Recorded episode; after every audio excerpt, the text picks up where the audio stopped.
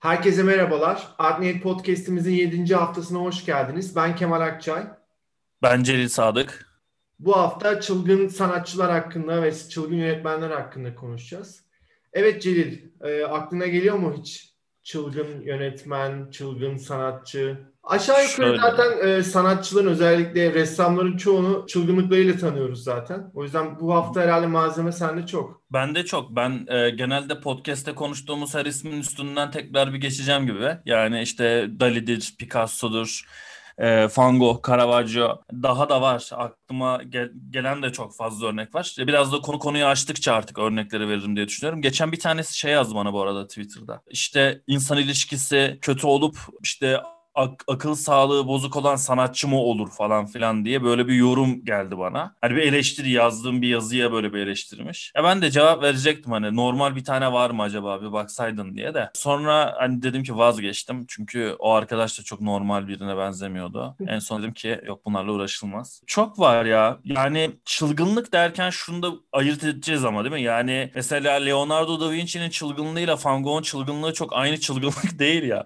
Biraz farklılar ya da bazı mesela Caravaggio'nun çılgınlığı hiç masumane değilken Leonardo da Vinci'nin çılgınlığı çok masumane bir çılgınlık herif. Hani birisi uçmaya çalışırken biri enginar yüzünden insanları bıçaklıyor.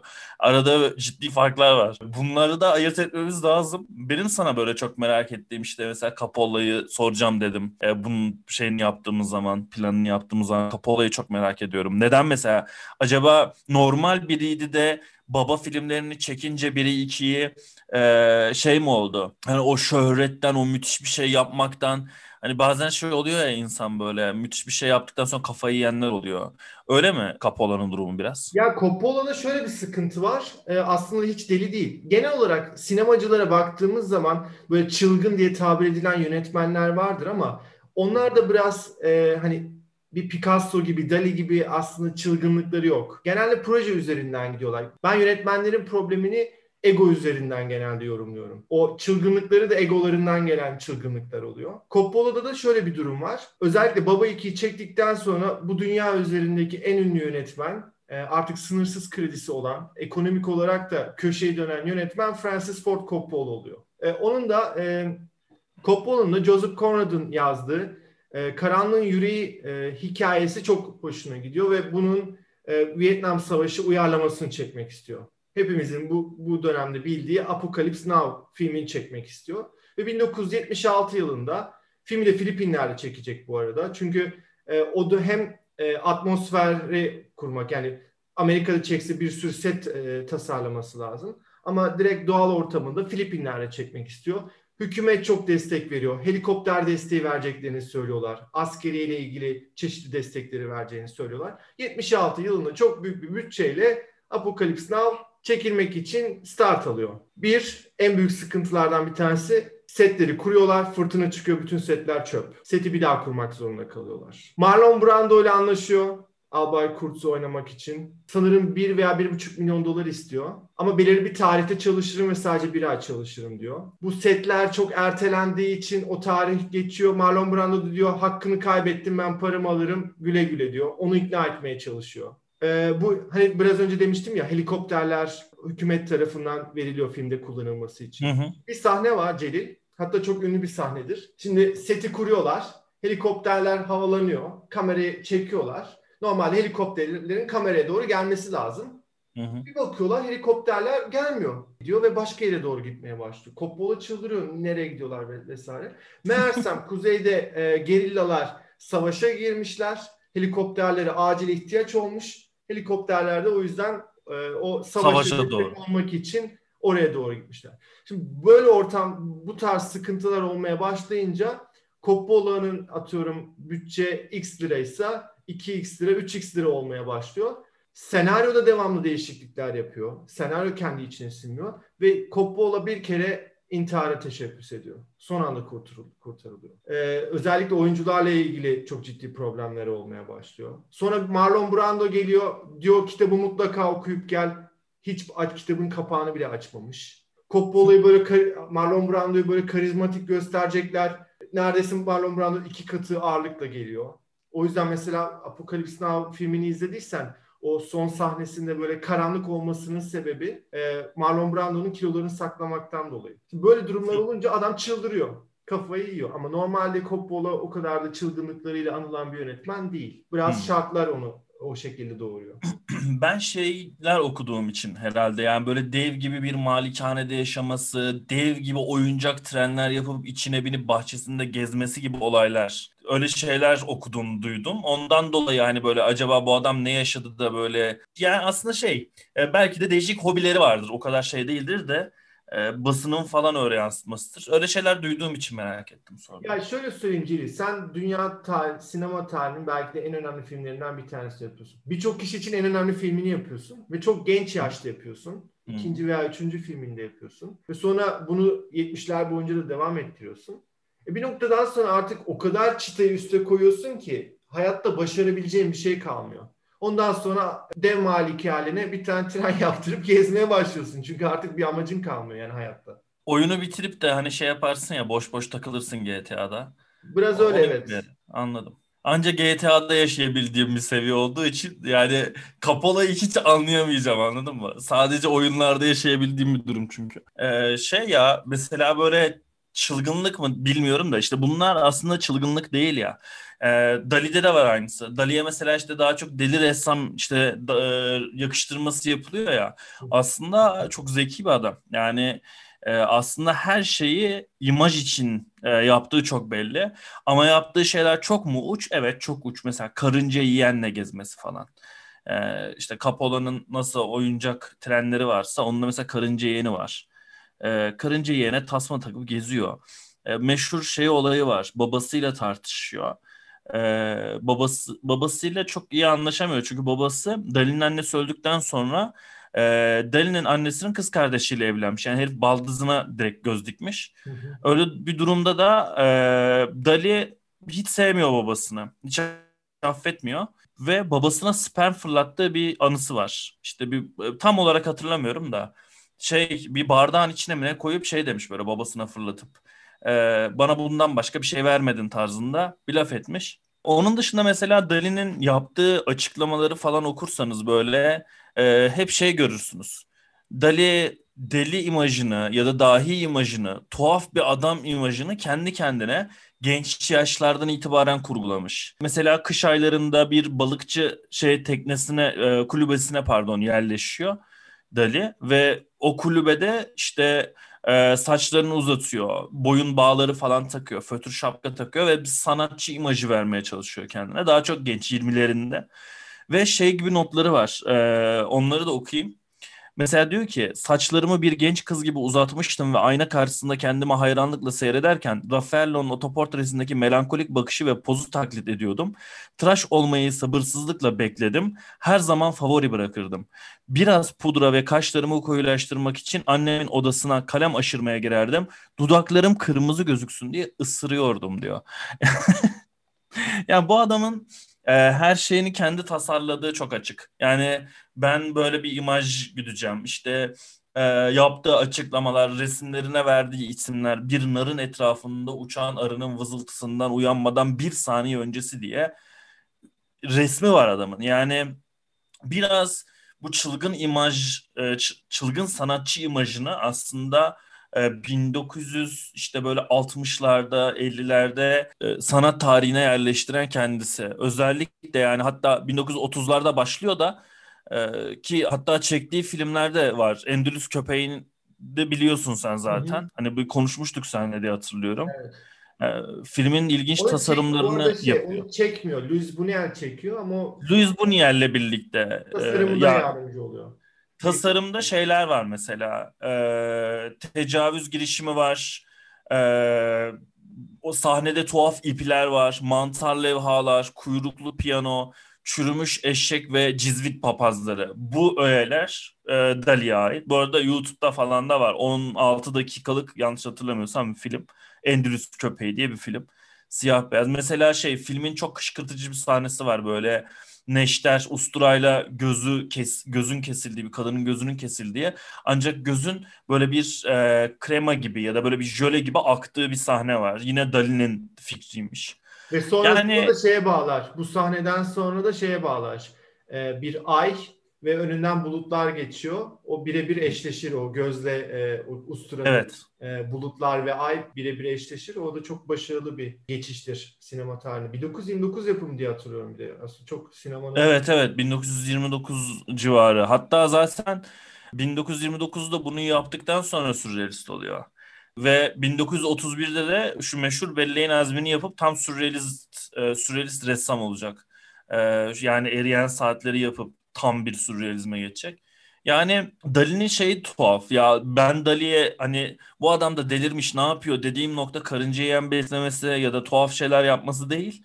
Ee, Amerika'dayken İspanya'yı özleyip de faşist Franco rejimini destekleyip sonra da gelip de dindar e, gözükmeye çalışarak işte Papa'nın yüzüğünü falan öpmesi e, ve insanlar e, onun sürrealizm akımından dışladıkları zaman diğer sürrealistler şey diyorlar artık sen sürrealist değilsin o da şey diyor, sürrealizm benim diye cevap veriyor.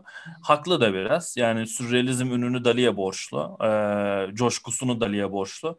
Ama hani böyle tuhaf bir adam. Yani çılgınlık bana e, şeye gitmiştim ben. Kadıköy'de moda sahnesine gitmiştim. E, sahneyle görüşmeye. E, orada işte şeylerle e, görüşüyoruz. İşte sahneye ben seminer koymak istiyorum. Kemal Aydoğan'la tanıştım. Kendisi bana bir hikaye anlattı Dali ile ilgili. Gazeteci bir hanım arkadaşı yıllar önce Dali ile röportaj yapmak istiyor. Ve araya Aragüler'i sokuyorlar. Aragüler e, Dali ile görüşüp bir röportaj için Türk bir muhabirin geleceğini e, soruların cevaplanmasını yani soruları cevaplar mısın diyor. Deli de diyor ki tüm çıplaklığımla sorularını cevaplayacağım diyor. Sonra işte kadıncağız gidiyor kapıyı çalıyor. Dali çırılçıplak açmış kapıya tüm çıplak bile cevaplayacak diye. Kadın da çığlığı basmış yani. Böyle tuhaf bir adam. Yani mesela galayla eşiyle de garipler. Böyle açık evliliğe falan inanıyorlar. Garipler Biraz gerçekten. Şey ama sanki. Şimdi sinema versiyonları yani Şimdi şey düşünüyorum Celil, sinemadaki çılgın insanları, oyuncuları, yönetmenleri veya set arkasındaki ekipteki insanları düşünüyorum.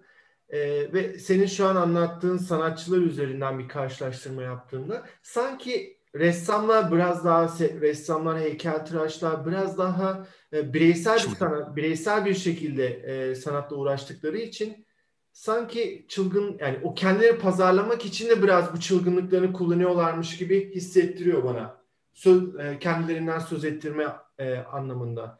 Çünkü mesela Hı-hı. yönetmenleri düşünüyorum. Yönetmenlerin yaptığı çılgınlıkların hepsi aslında filmin bir noktada daha iyi olması için bazen egosal yaklaşımları, bazen obsesif yaklaşımları veya bazen işte yapılmayan yapmakla ilgili çılgınlıkları var. Mesela Werner Herzog diye bir Alman yönetmen var ve kendisi aktif bir yanardağda çekim yaptırıyor bütün ekibine. Ya yani ekibi zorla e, gidiyor. Ama adam için önemli olan o işte yanardağ yapılmayanı yapmak, zoru yapmak, yapılmamış yapmak. O, o onun için çok önemli. 320 tonluk bir buharlı gemiyi daha çıkartıyor adam. Yani bu tarz bir çılgınlığı var. Stanley Kubrick'e mesela çılgın e, derler ama aslında adamın yaptığı obsesiflik. Yani bir şekilde bir, bir sahneyi 120-130 kere ard arda şey yapmak çekmek. Kadının yani saçlarını Shining filminde işte bir sahneyi 120-130 kere çektiriyor. Kadın artık e, oyunculuğa küsüyor. Saçlarını döküyor. Saç kıran olmuş kadın ya. Şimdi bunun nasıl çılgınlık değil? Bir de sadece şey olarak düşünülmesin. Mesela aa okey 130 kere aynı şeyi tekrarlıyorsun gibi değil. Yani kadın kendi oyunculuğunu, kendi yeteneğini sorgular o kadar süre sonra ama adam için hiçbir önemi yok. Çünkü adam için en önemli şey filmi en iyi şekilde, kusursuz bir şekilde seyirciye ulaştırabilmek herhangi bir şekilde oyuncularıyla veya set ekibiyle herhangi bir empatiye girmiyor. Böyle bir çılgınlık değil de bir delilik durumu var. Veya umursamazlık, hı hı. sosyopatlık bir durum var çoğu zaman yönetmen. Oyuncular tabii biraz daha farklı. İstersen oyuncuları biraz daha sona bırakalım. Orada bayağı ilginç ve garip. Ha, oyunculardan çok çıkar ya. Oyuncular genel anlamda evet hele Hollywood'dakiler çok normal değiller zaten. Ya mesela orada da daha çok ıı, sende hikaye olur. Çünkü hani Dali'nin falan masum kalacağı. Hiç Caravaggio gibi bir tip var mı acaba ya böyle? Oyuncularda, yönetmenlerde falan. Ya Russell Crowe yani tam olarak değil tabii. Caravaggio dönemi biraz daha medya olmadığı için e, sanki insanlar biraz daha rahat olabilir. Şu an belki öğreniyoruz o bilgileri ama İtalya'daki atıyorum Caravaggio nerede yaşamıştı? Roma, Napoli. Şimdi yani daha çok yaşadı. Yani. Tamam ama o bu olayları yaptığı zamanlar genç Roma'da. Gençliği Roma'daydı. Şimdi orada yaptığı olay bırak romanın tamamını romanın bir mahallesinde konuşulan şeyler genelde. Ama şu an Russell Crowe bir çılgınlık yaptığında bütün dünya Türkiye'deki herhangi bir köyde bile o, o haber konuşulabiliyor ya. O yüzden biraz daha sanki kontrollü insanlar. Mesela o anlamda Russell Crowe'u şey yapabiliriz. Özellikle şiddete karşı çok eğilimli bir adam. Birçok kavgası hem dayak yemişliği hem dayak atmışlığı çoktur yani o anlamda. Sette arkadaşlarını yumruklamak, yönetmenlerle kavga etmek. Bir keresinde bir resepsiyondaki kadına cep telefonunu fırlatmıştı. Kadının e, başına gelmişti. E, sonra hastanelik oluyor falan. Bu tarz olayları var kontrol şeyi. E, çılgın oyuncu deyince benim aklıma gelen Charlie Sheen. Bilir misin? Kardeşim mi neden? Ne yapıyor? Ne yapmıyor ki? Yani şimdi biraz sansürleyerek mi anlatsam? Bir kere çok ciddi bir uyuşturucu problemi var. Genelde kız arkadaşları porno yıldızlarından oluyor. Ee, onun dışında e, kontrol edilebilir bir insan da değil. Sete geç gelmeler, alkollü gelmeler, uyuşturucu etkisine gelmeler, e, sivri açıklamalar. Biliyorsundur belki Charlie Sheen. Hatta bugün şeyden bahsettik. Apocalypse Now filminden bahsettik. Onun başrol oyuncusu Martin Sheen'in oğlu Charlie Sheen. 80'lerde de çok aktifti. Özellikle Platoon filminde e, hatırlay hatırlayabiliriz. Wall Street ve Platoon filmiyle çok ciddi çıkış yakalamıştı. Ama 90'larda işte bu e, hızlı hayat yaşamından dolayı tabii ki şey düştü. Popülaritesi bayağı bir düşüyor. Evet şu anda ben de baktım da gerçekten özel yaşamı deyip de bayağı sadece psikopatlıklarının anlatıldı. Genelde uyuşturucuyla herhalde uyuşturucu problemi varmış. Yani uyuşturucudan da yani uyuşturucuyla birlikte tabii ki bayağı bir çılgınlık yapıyor. Çok e, şeyde Hollywood'da var ya uyuşturucu problemi işte ünlü dünyasının içinde belki hani e, sadece Hollywood'da da demek doğru değil belki de. Sence şu anki ressamlarda uyuşturucu problemi yok mudur? Veya alkol Şu anki ressamlarda mı? Vardır canım. Ee, alkol, uyuşturucu problemi olabilir. Genelleme yapmıyoruz tabii ama olabilir. Ya mesela şeyi düşünüyorum şimdi. Geçmişten düşünüyorum. Ressam düşünüyorum böyle bir şeye çok bağımlı olan var mı diye. Van Gogh var zaten. İlaç bağımlısı. Ee, mesela Van Gogh'un sarısı herkesin çok merak ettiği bir şeydir ya. Aslında yüksük otu mesela Doktor Paul Gachet'la e, Paul Gachet'ın bir resmi vardır Van Gogh'un yaptığı e, onun doktorun elinde yüksük otu var. O yüksük otu onun çok e, sarı tonunu yoğun görmesine neden oluyor ve yüksük otunu çok fazla tüketiyor. E, içki bağımlılığı var. Yani onun dışında yine hani Caravaggio'nun bildiğimiz alkol problemleri var. Dali'ye sorulmuş uyuşturucu kullanıyor musun diye. Hayır ben uyuşturucuyum diye cevap veriyor. Yani o o, o bayağı kullanıyormuş yani anlaşılıyor. O net kullanıyor ya. Hatta bu cevap verirken muhtemelen etkisi altında yani. Bir şey ben ya uyuşturucu deyince hep aklıma şey geliyor. Heath Ledger geliyor ve inanılmaz üzülüyorum ben. Yani hani efsane Joker'imizin e, yanlış ilaç kullandığı öldü dedikleri Joker'imizin ben son fotoğrafını görünce ya bu adam iptal olmuş zaten. Hani dediğim bir fotoğrafı var. O saçları darmadağın böyle. Yani net kafa kafası o kadar iyi ki orada bile belli yani. Ona üzülüyorum. Yani hep aklıma geliyor ve aklımdan çıkaramıyorum. Ki yaşasaydı nasıl bir filmler izleyecektik daha ondan. Peki, Ona bayağı üzülüyorum. Peki Celil sana bir soru sormak istiyorum. Şimdi neden genelde sanatla uğraşan insanlar uyuşturucuya, alkole veya çeşitli şeylere daha çok bağımlı oluyorlar. Bu e, sanatlarına sence yani sanatçı olduklarından dolayı mı yoksa sanatçı olduktan sonra e, ünlü olmalarının getirdiği bir e, dezavantaj mı?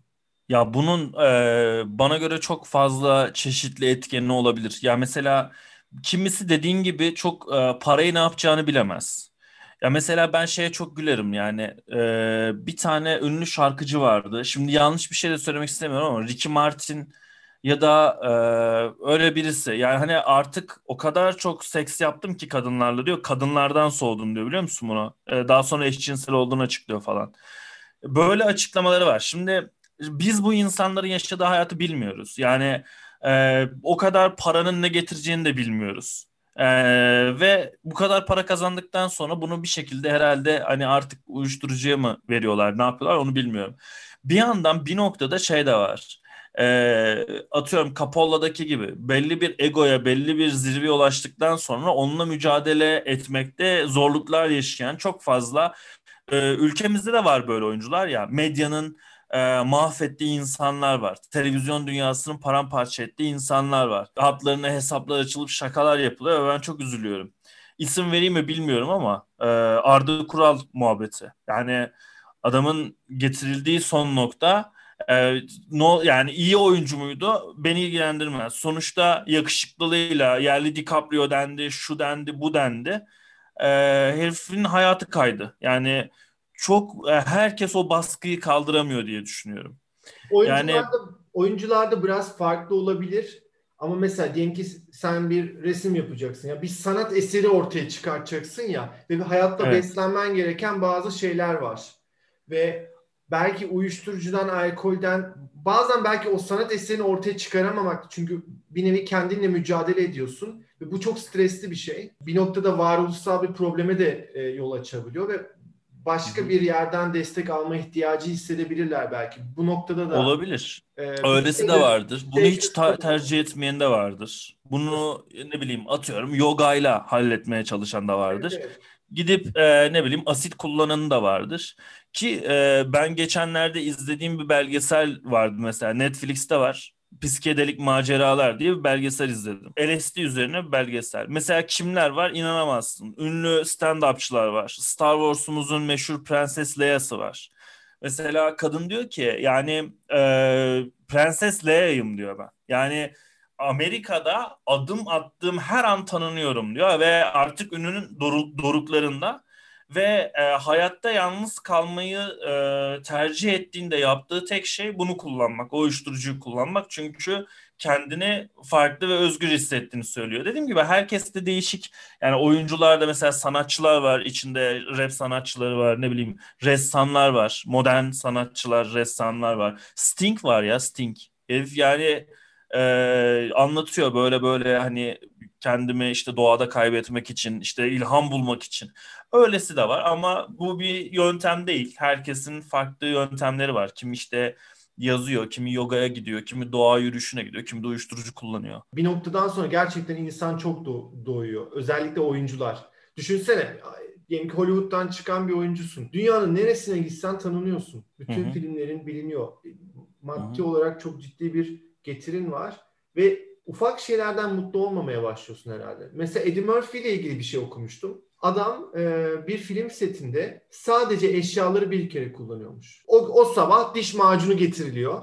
Bir kere sıkıyor fırçasına. Fırçayı da bu kere bir kere kullanıyor. Fırçalıyor. ikisini de çöpe atıyor. Ertesi gün set ekibi ona tekrardan yeni bir diş macunu ve diş fırçası getirmesi lazım. Çorap, kıyafet. Diyelim ki bir, bir sahnede ceket giyecek değil mi? Ertesi günkü sahnede aynı ceketi giymiyor. Aynı ceket tipinde yeni bir tane e, üretilip tekrardan ona getirilmesi gerekiyor. Şimdi bunun hiçbir açıklaması yok. Bu tamamen şımarıklık. Evet. Belki de yapabiliyor olma durumu. Eddie Murphy'im özellikle 80'lerde çok popülerdi. Starım ben. Yani başka açıklaması benim aklıma gelmiyor. Hiçbir mantık yok yani.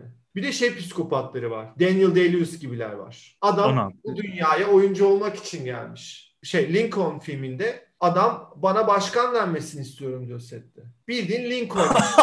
Ama şey değil yani action e, kayıttayızdan önce de adam Lincoln. Kayıtta da Lincoln. Çıktığında da Lincoln. Akşam ha belki Lincoln... role girmek içindir ya. Ama yani bir 3 ay boyunca Lincoln olabilir misin? Yani çok şizofrenik bir şey şu, şu bahsettiğim ve genelde bütün filmlerinde de bunu yapıyor ki kendisi zaten yılda bir veya iki yılda bir film yapar. Zaten atıyorum 3 ayda bir film yapıyor olsaydı gerçekten kafayı yemişti herhalde. İlginç. Yani başkan ha.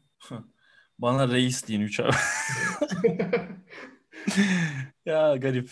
Ve şeyi biliyor musun? İngiliz şair ve ressam William Blake çılgın ve delilik deyince aklıma o geldi. Duydum ama çılgınlığını ve deliliğini hatırlayamadım. Duymadın. Aslında şöyle biraz sanat tarihinde beni ürperten kişiler de var. Ya böyle seri katil açıklamaları yapıp e, özellikle de sembolistler çoktur. İşte Odile Redon, işte William Blake, Franz van Stack. Hadi Franz van Stack daha aklı başında da. Egon Schiele falan da bu kategoriye girer hem ekspresyonist hem sembolist olarak.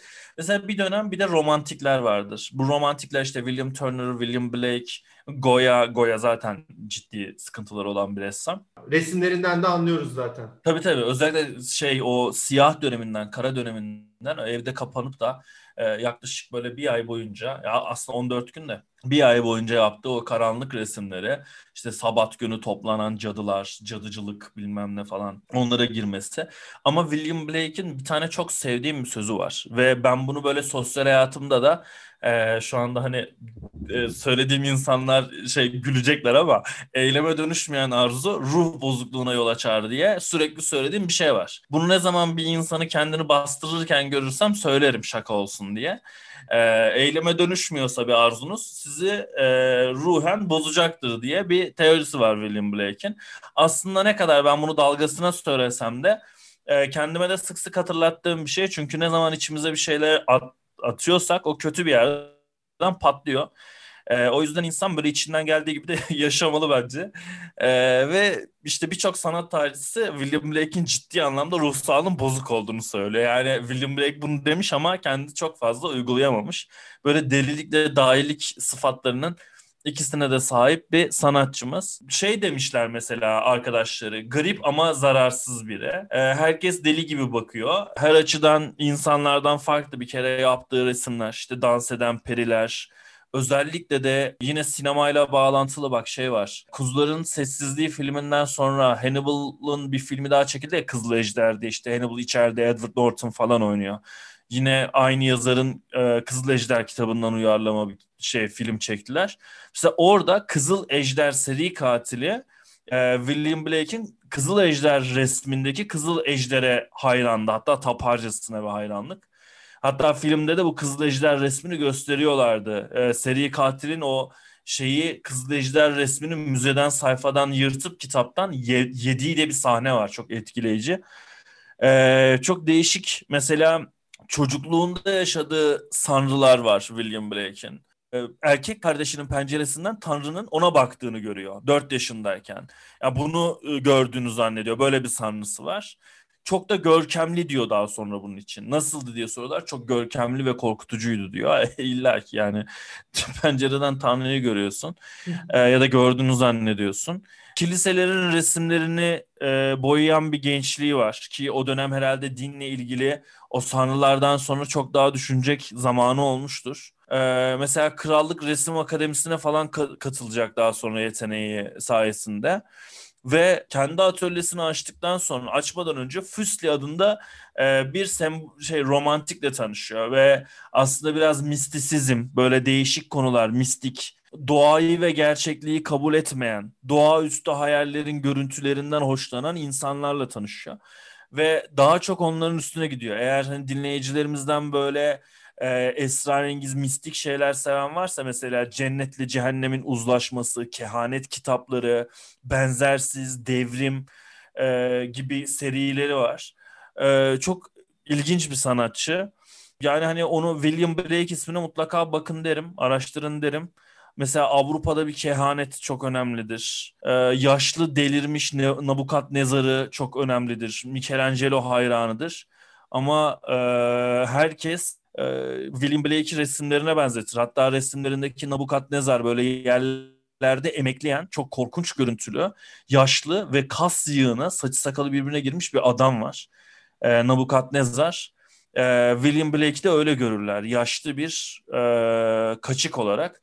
Mesela şey e, kalp gözlerinin açık olduğunu, e, bir şeyler gördüğünü sürekli söyler. Dante okur bol bol. Yani çok çok değişik bir ressam. Hakikaten çılgınlığın hakkını veren ressamlardan bir tanesi. Anlattıkça da farkındaysan anlatasım geliyor. Celil şey sorusunu sorasın var sana ama sormayacağım. Şimdiye ne? kadar yaptığın en büyük çılgınlık neydi? Bu soruyu sormayacağım. Hı hı. Şöyle bir şey oluyor. Ben bir yandan bu soruyu sana sormak isterken düşünüyorum. Benim yaptığım en büyük çılgınlık neydi? Sonra şu şu aklıma. Çünkü ben de sana soracağım diye mi sormuyorsun? Evet. ha, tamam. Ben sen yaptığın en büyük çılgınlığı söyleyebilirsin de. Şöyle bir durum oluyor ama. Şimdi çılgınlığı yaptıktan sonra o sana çok normal gelmeye başlıyor. Aslında o kendi kafanda onu gerçekleştirmeden önce hani biraz önceki sözün çok hoşuma gitti William Blake'ten yaptığın alıntı. Eyleme dökmediğin arzular seni ruh bozukluğuna kemirir. Ee, bilmiyorum ne, ne kadar doğru söylüyorum. Ruh bozukluğuna yol açar diye evet. Şimdi böyle bir durum olduğu için de e, o seni yapmak istediğin şeyler fantezinde, çılgınlıklar fantezinde kalınca daha sana ilginç geliyor ama gerçekleştirdiğin an bütün büyüsü gidiyor.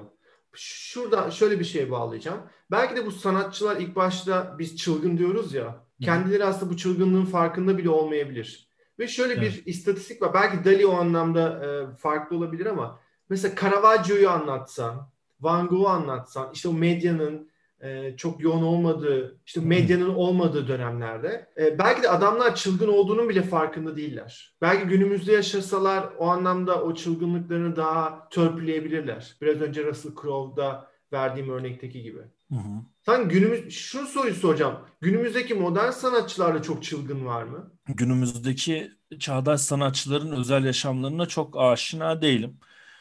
Ama şu anda e, şunu söyleyebilirim. Modern sanat dediğimiz şey 1860'lar gibi başlıyor. Yani e, tam anlamıyla değil ama yavaş yavaş başlıyor. Modern sanatçı, anarşist, toplumu ve sanat camiasını rahatsız etmeye amaçlayan sürekli yeni arayışı içinde olan insandır e, diye bir tanım yapılıyor modern sanatçı için. Yani biz Manet'den tut da pop art'taki Andy Warhol'a kadar herkesin bir kere çılgın olması gerekiyor. Ki Andy Warhol da ayrı söz e, ayrı mesele zaten. O da ayrı bir çılgın. Ve e, şöyle bir durum var. Bu kadar e, çılgın olmalarının sebebi yeni ve rahatsız edici bilinçli olarak aramaları.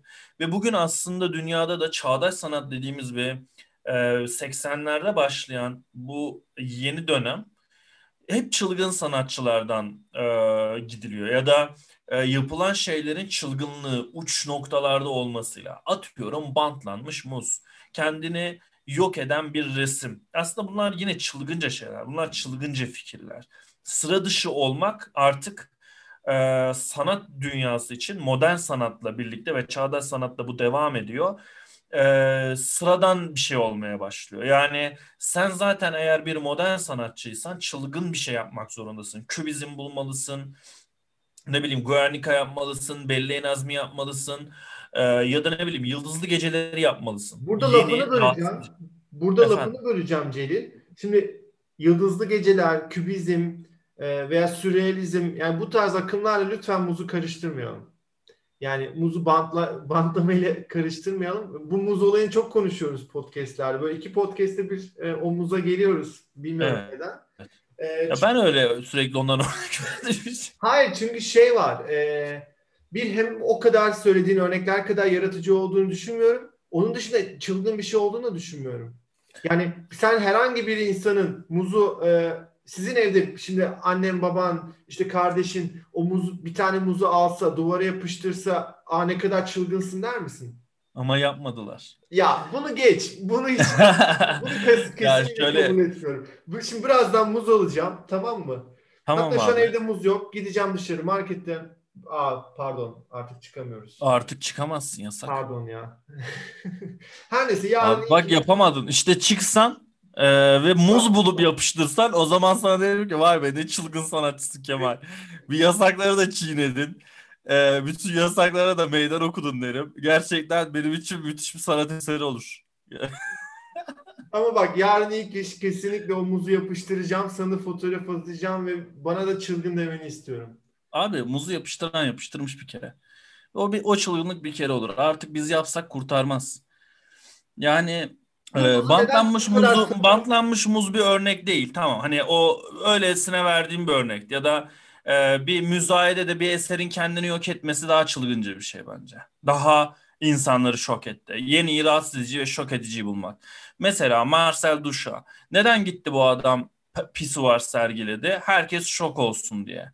Ve bizim müzede düşünmemizi istiyorlar çünkü. Bizim sergi salonuna girip de düşünmemizi istiyorlar.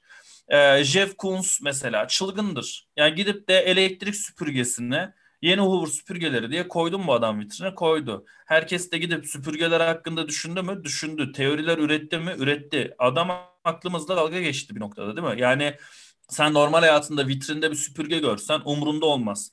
Süpürgenin e, yaratılışı, varlığı, biçimi hakkında düşünmezsin. Ama bir sergi alanında süpürgeyi görünce aa diyorsun ki bunun bir tane uzvu var, bir tane de girintisi var. Bu çift cinsiyetli mi diyorsun? Ya da diyorsun ki bunlar dünyamızda her şeyi emen varlıklar mı? O yüzden mi bu sergide diyorsun? Jeff Koons yeni Hoover süpürgeleriyle seni düşündürtüyor aslında. Yani o süpürgeleri oraya koyarak sana e, bir sergi alanında normal hayatta mağaza vitrininde bir düşünmeyeceğin bir şey hakkında düşünme imkanı veriyor. Ama yani geri... sergiler düşünce yerlerine dönüşmüş durumda. Bu yüzden biraz çılgınca olmak durumunda. Ya da ama The Super... bir şey soracağım. Hı. Lafını bölüyorum ama şimdi ben evde e, süpürgeyi alsam, salonun ortasına koysam ve üzerine düşünsem sanat yapmış olacak mıyım? İlle de sanat Kesinlikle. müzenin içerisinde mi oluyor? E, zaten bu tartışılıyor. Yani tartışılmak istenen de bu. Bir şey, e, bir herhangi bir şey bir müzeye girdiği anda sanat eseri olur mu? Bu bu tartışmanın başlamasına sebep olan şey o Marcel Duchamp'ın pisuvarı. Yani e, bizim kontemporilerden bir tanesinde miydi? Yanlış hatırlıyor da olabilirim. Birisi gözlüğünü düşürdü biliyor musun yere? Hı hı. Ve gözlüğü eser zannedip fotoğrafını çekenler oldu. İşte mantık bu.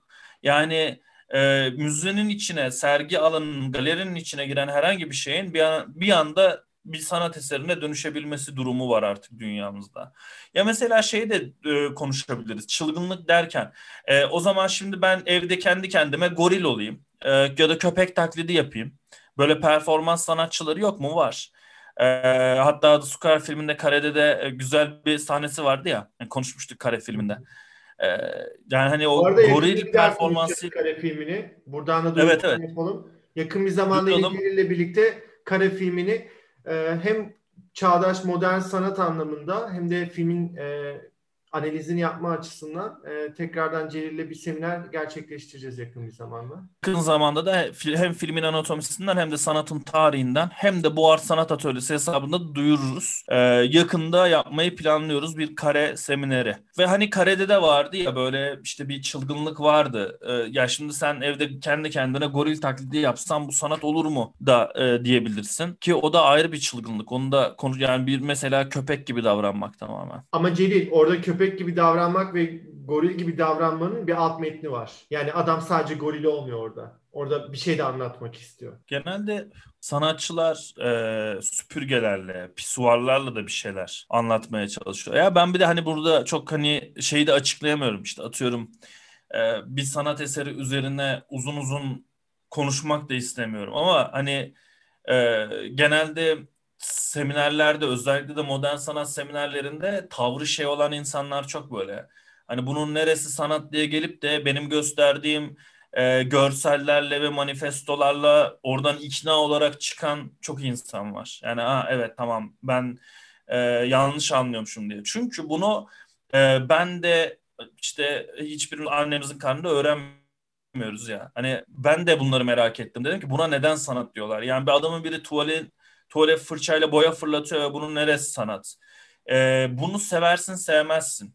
Ama ya da bunu beğenirim beğenmem. Ama buna neden böyle deniyor? Ya ben bunun arkasındaki şeyi öğrenmeliyim ki öğrendikten sonra beğenip beğenmeme konusunda ya da eleştirip eleştirmeme konusunda bir yorum sahibi, fikir sahibi olayım diye. O yüzden araştırdığım, işte çalıştığım zaten alanım bu ama e, çağdaş sanat ilk başta ilgimi hiç çekmezken içine girdikçe şu anda yani evet gerçekten bana farklı bir bakış açısı kazandırdı diyebiliyorum. Peki o zaman Celil e, yine tekrardan bu çılgınlık konusuna gidelim. Basit bir soru soracağım. Biraz goy goyuna. Bir tane sanat tarihinden bir sanatçı, bir de sinema e, dünyasından e, oyuncu da olur, kamera arkası ekip de olur, yönetmen de olur. Çılgın örnek istiyorum senden. Ha, çılgın örnek. Şimdi e, sanat tarihinden çok var aslında. Şöyle bir de çılgın. Sadece bir tane. Bana en bir çılgınları tane. söylemeni istiyorum. En çılgını. En çılgını Caravaggio ya. Bunun e, bendeki cevabı çok belli de. Onun da neden oldu. Psikopat gibi ama ya. Yani psikopatlıkla çılgınlık aynı şey mi bilmiyorum. Ya şöyle ben hani psikopatlığının yanı sıra yaptığı şey sadece insanları yaralamak, insanların canını yakmak değil, yani o döneme ciddi bir tepki koyacak cesareti ve çılgınlığı gösterip de yani fahişelerden bir Meryem Ana ya da işte dilencilerden havari yapmak e, Vatikan'ın bu kadar egemen olduğu bir dönemde çok büyük çılgınlık gibi geliyor ya. Yani çok çok büyük cesaret mi, çılgınlık mı ya da deli cesaret o mu? Onlardan biri. Yani böyle ressam olarak şimdi hani Dali'yi söylesem az önce konuştuğum şeyler ya da William Blake'i desem yani aynı şey. E, Van Gogh cidden hani e, akıl sağlığı çok yerinde değildi. E, mesela Van Gogh'un yaptığı en büyük çılgınlık herhalde kendi kendine İncil yaz, yazıyor olması. Yani İncil'e benzer şey, İncil'e benzer metinler daha doğrusu. Ya da kendini böyle çok farklı konumlandırması olabilir. Ama yani o kadar düşündüğüm zaman dönüyorum dolaşıyorum bir Caravaggio'ya geliyorum. Yönetmen olarak oyuncu e, olur bu arada. Oyuncu oyuncu aklıma oyuncu çılgın bir oyuncu kim geliyor? Yönetmen sanki daha böyle aklımda Tarantino gibi geliyor ama neden hani bunun tam nedenini bilemiyorum. Yaptığı filmlerdeki e, ya bende bıraktığı izlenim sanırım Tarantino hakkında. Gaspar Noé olabilir ya. Hatta Tarantino değil. Gaspar Noé olabilir. Şimdi yönetmen Hatta senin şöyle oluyor Celil. E, ister istemez aslında yönetmenin kişiliğinin çılgınlığı değil de filmlerin çılgınlığı üzerinden yönetmeni değerlendiriyor. Evet ondan değerlendiriyorum aslında biraz. Gaspar, Gaspar Noé tam o kadar çılgın birisi bildiğim kadarıyla değil hayatında. Öyle mi? Ya tabii ki marjinal ya bu sektörde sinema endüstrisinde çılgın olmayan bir adamla karşılaşmadım ben. Ee, Abi o zaman ben şey diyorum ya. Ben benim cevabım pardon. Sinemada benim cevabım çok net Kubrick. Ya çünkü ben şeyi okumuştum. O yanlışsa sen düzeltirsin de Napolyon filmini çekmeye karar verip 5 yıl çalışıyor biliyor musun bunu? Evet.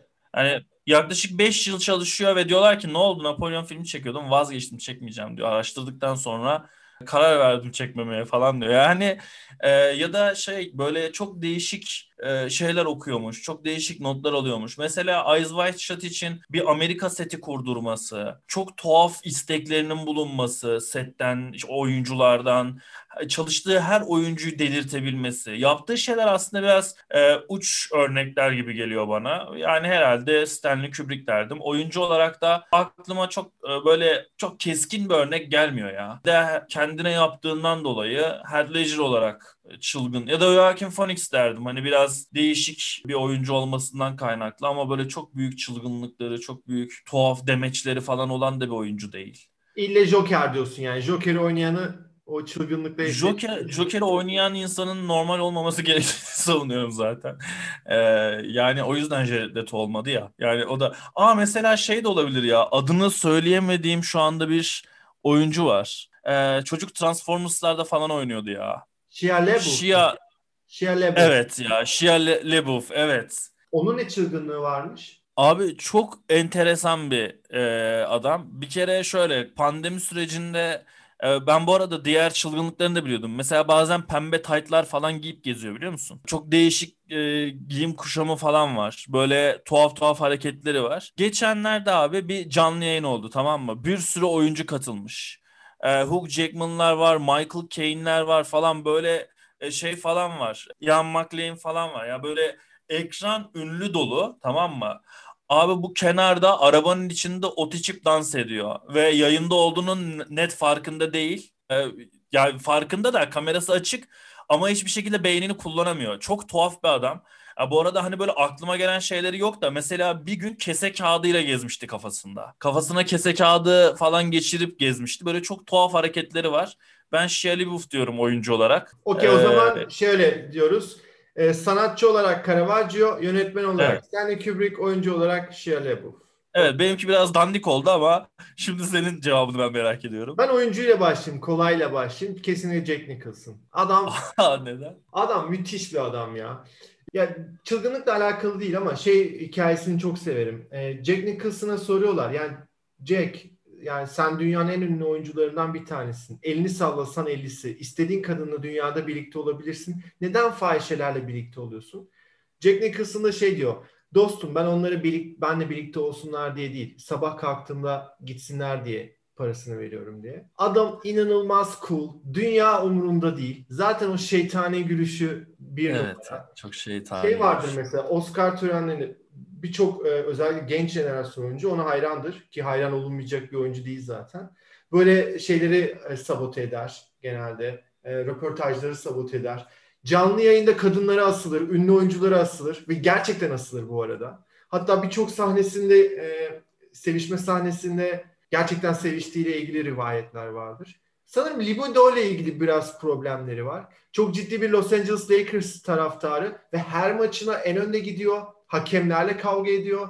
Ee, ve şey e, bir film için kontrat imzaladığında şartı var. Lakers'ın maçı varsa ben maça giderim.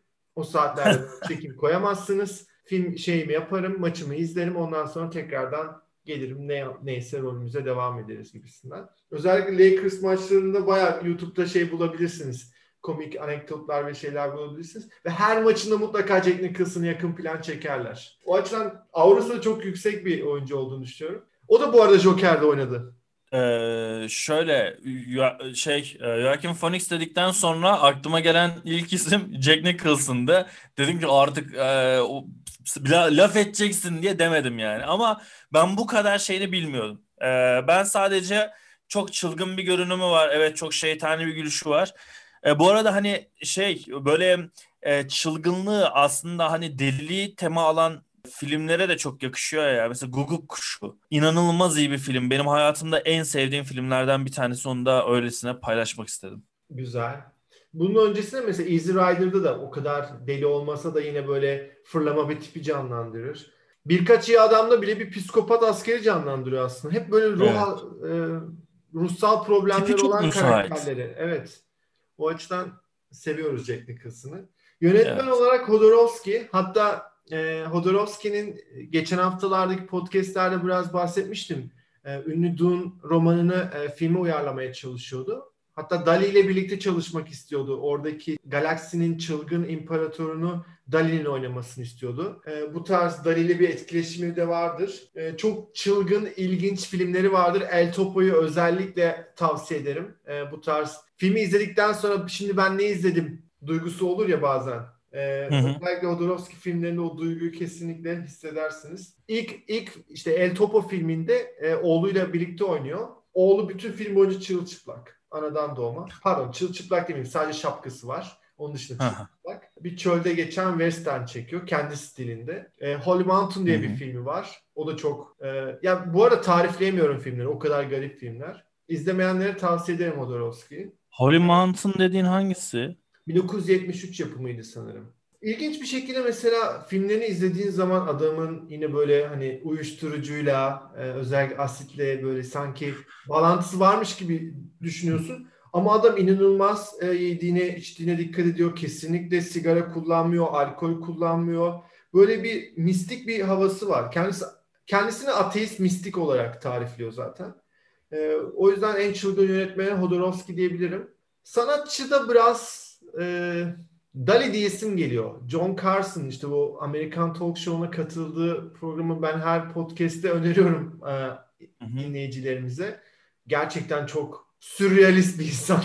Yani gerçek hayatında da çok sürrealist bir insan. O karınca yeğeniyle programa katılıyor ve diyaloğu takip edemiyorsun. Anlamsız şeyler söyler sürekli.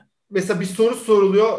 O soru öyle bir cevap veriyor ki e, alakasız. Alakası. Sonra e, soruyu soran kişi o alakasız şeyden konuya devam ederken bir sonraki replikte o sorusuna cevap verebiliyor falan. Tamamen şov onun elinde. Yani müthiş bir şovmen bence. Günümüzde olsaydı, günümüzde olsaydı baya baya yine ben popüler olacağını düşünüyorum. İnanılmaz popüler olurdu. Yani herhalde o döneminden daha popüler olabilirdi yaşantısıyla falan.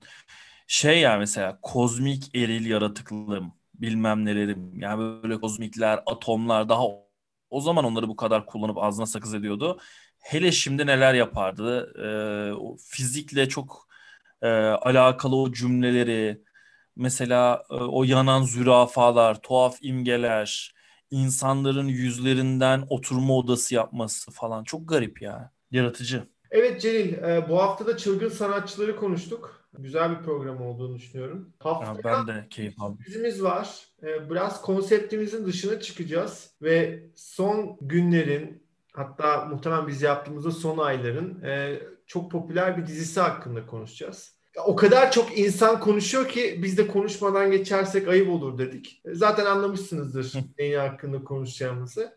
E, hafta öyle özel bir e, konseptimizi çıkar. E... Keşke Ferdi Özbeğen açsaydık burada. Arkada çalsaydı böyle. Bu arada şöyle bir ufak e, ipucu verelim. Hani nasıl geçeceğiyle alakalı. Sanırım Celil diziyi çok beğendi. Ben de nefret ettim. O yüzden bayağı bir kanlı geçecek bir e, bölüm olacak. Ee, şöyle söyleyeyim. Sen beni büyük ihtimal ikna edeceksin birçok şey için. Ee, ama ben bir başkadırın güzel bir iş olduğunu düşünüyorum ama bu arada sen beğenmedim dedikten sonra birinci bölümü falan açıp şöyle bir tekrar baktım.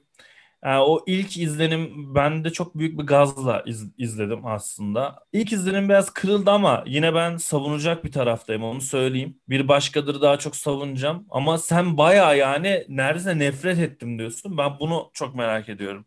E, daha da konuşmadık seninle. Baya meraklıyım o konuda. Problemlerden bir tanesi e, o kadar beklenti yükselttiler ki. Ya Celil hmm. sen de sen de aradın mesela. Kemal bir başkadır izledim mi? Ya günde böyle 5-10 tane WhatsApp'tan mesaj geliyor. Kemal bir başkadır izledin mi? İşte ne düşünüyorsun vesaire gibisinden. Öyle bir beklentiyle izledim ki yani başyapıt olsaydı bile beğenmeyebilirdim diye düşünüyorum yani o açıdan. Hmm. İster istemez şey bu e, yapıyorsun. Hani bir hata aramaya çalışıyorsun veya ne bileyim çok epik bir şey bekliyorsun. Seni çok etkiliyor. Bu arada var. Ben sevabıyla günah ahire sevdim Kemal. Böyle Türk filmi tadında konuşsam mı? Ya ben hani e, gerçekten dedim ki hani iyi iş. Ha bak benim eleştirdiğim tek şey ne biliyorsun? Şimdi bunu burada söyleyeceğim sonra diğer bölümde konuşuruz. Çok şey anlatıyormuş gibi yapıp hiçbir şey anlatmıyor. Benim tek eleştirdiğim Dur, şey dur, bu. dur, dur, dur. O konular, o, en hassas konular, onları çok. Yani bir teknik açıdan konuşacağız, bir de sosyolojik açıdan konuşacağız. Tamam. Bunların hepsini haftaya bırakıp... Aynı düşünüyoruz o zaman. Verdiğim bu tepkiye göre aynı düşünüyoruz düşünüyorum o konuda. Bilmiyorum artık. Ama neyse göreceğiz. Bilmiyorum evet. Bakacağız. Çok teşekkür ederiz bizi dinlediğiniz için. E, haftaya e, yeni bir bölümde görüşmek üzere. Hoşçakalın. Görüşmek üzere. Kendinize iyi bakın. Hoşçakalın.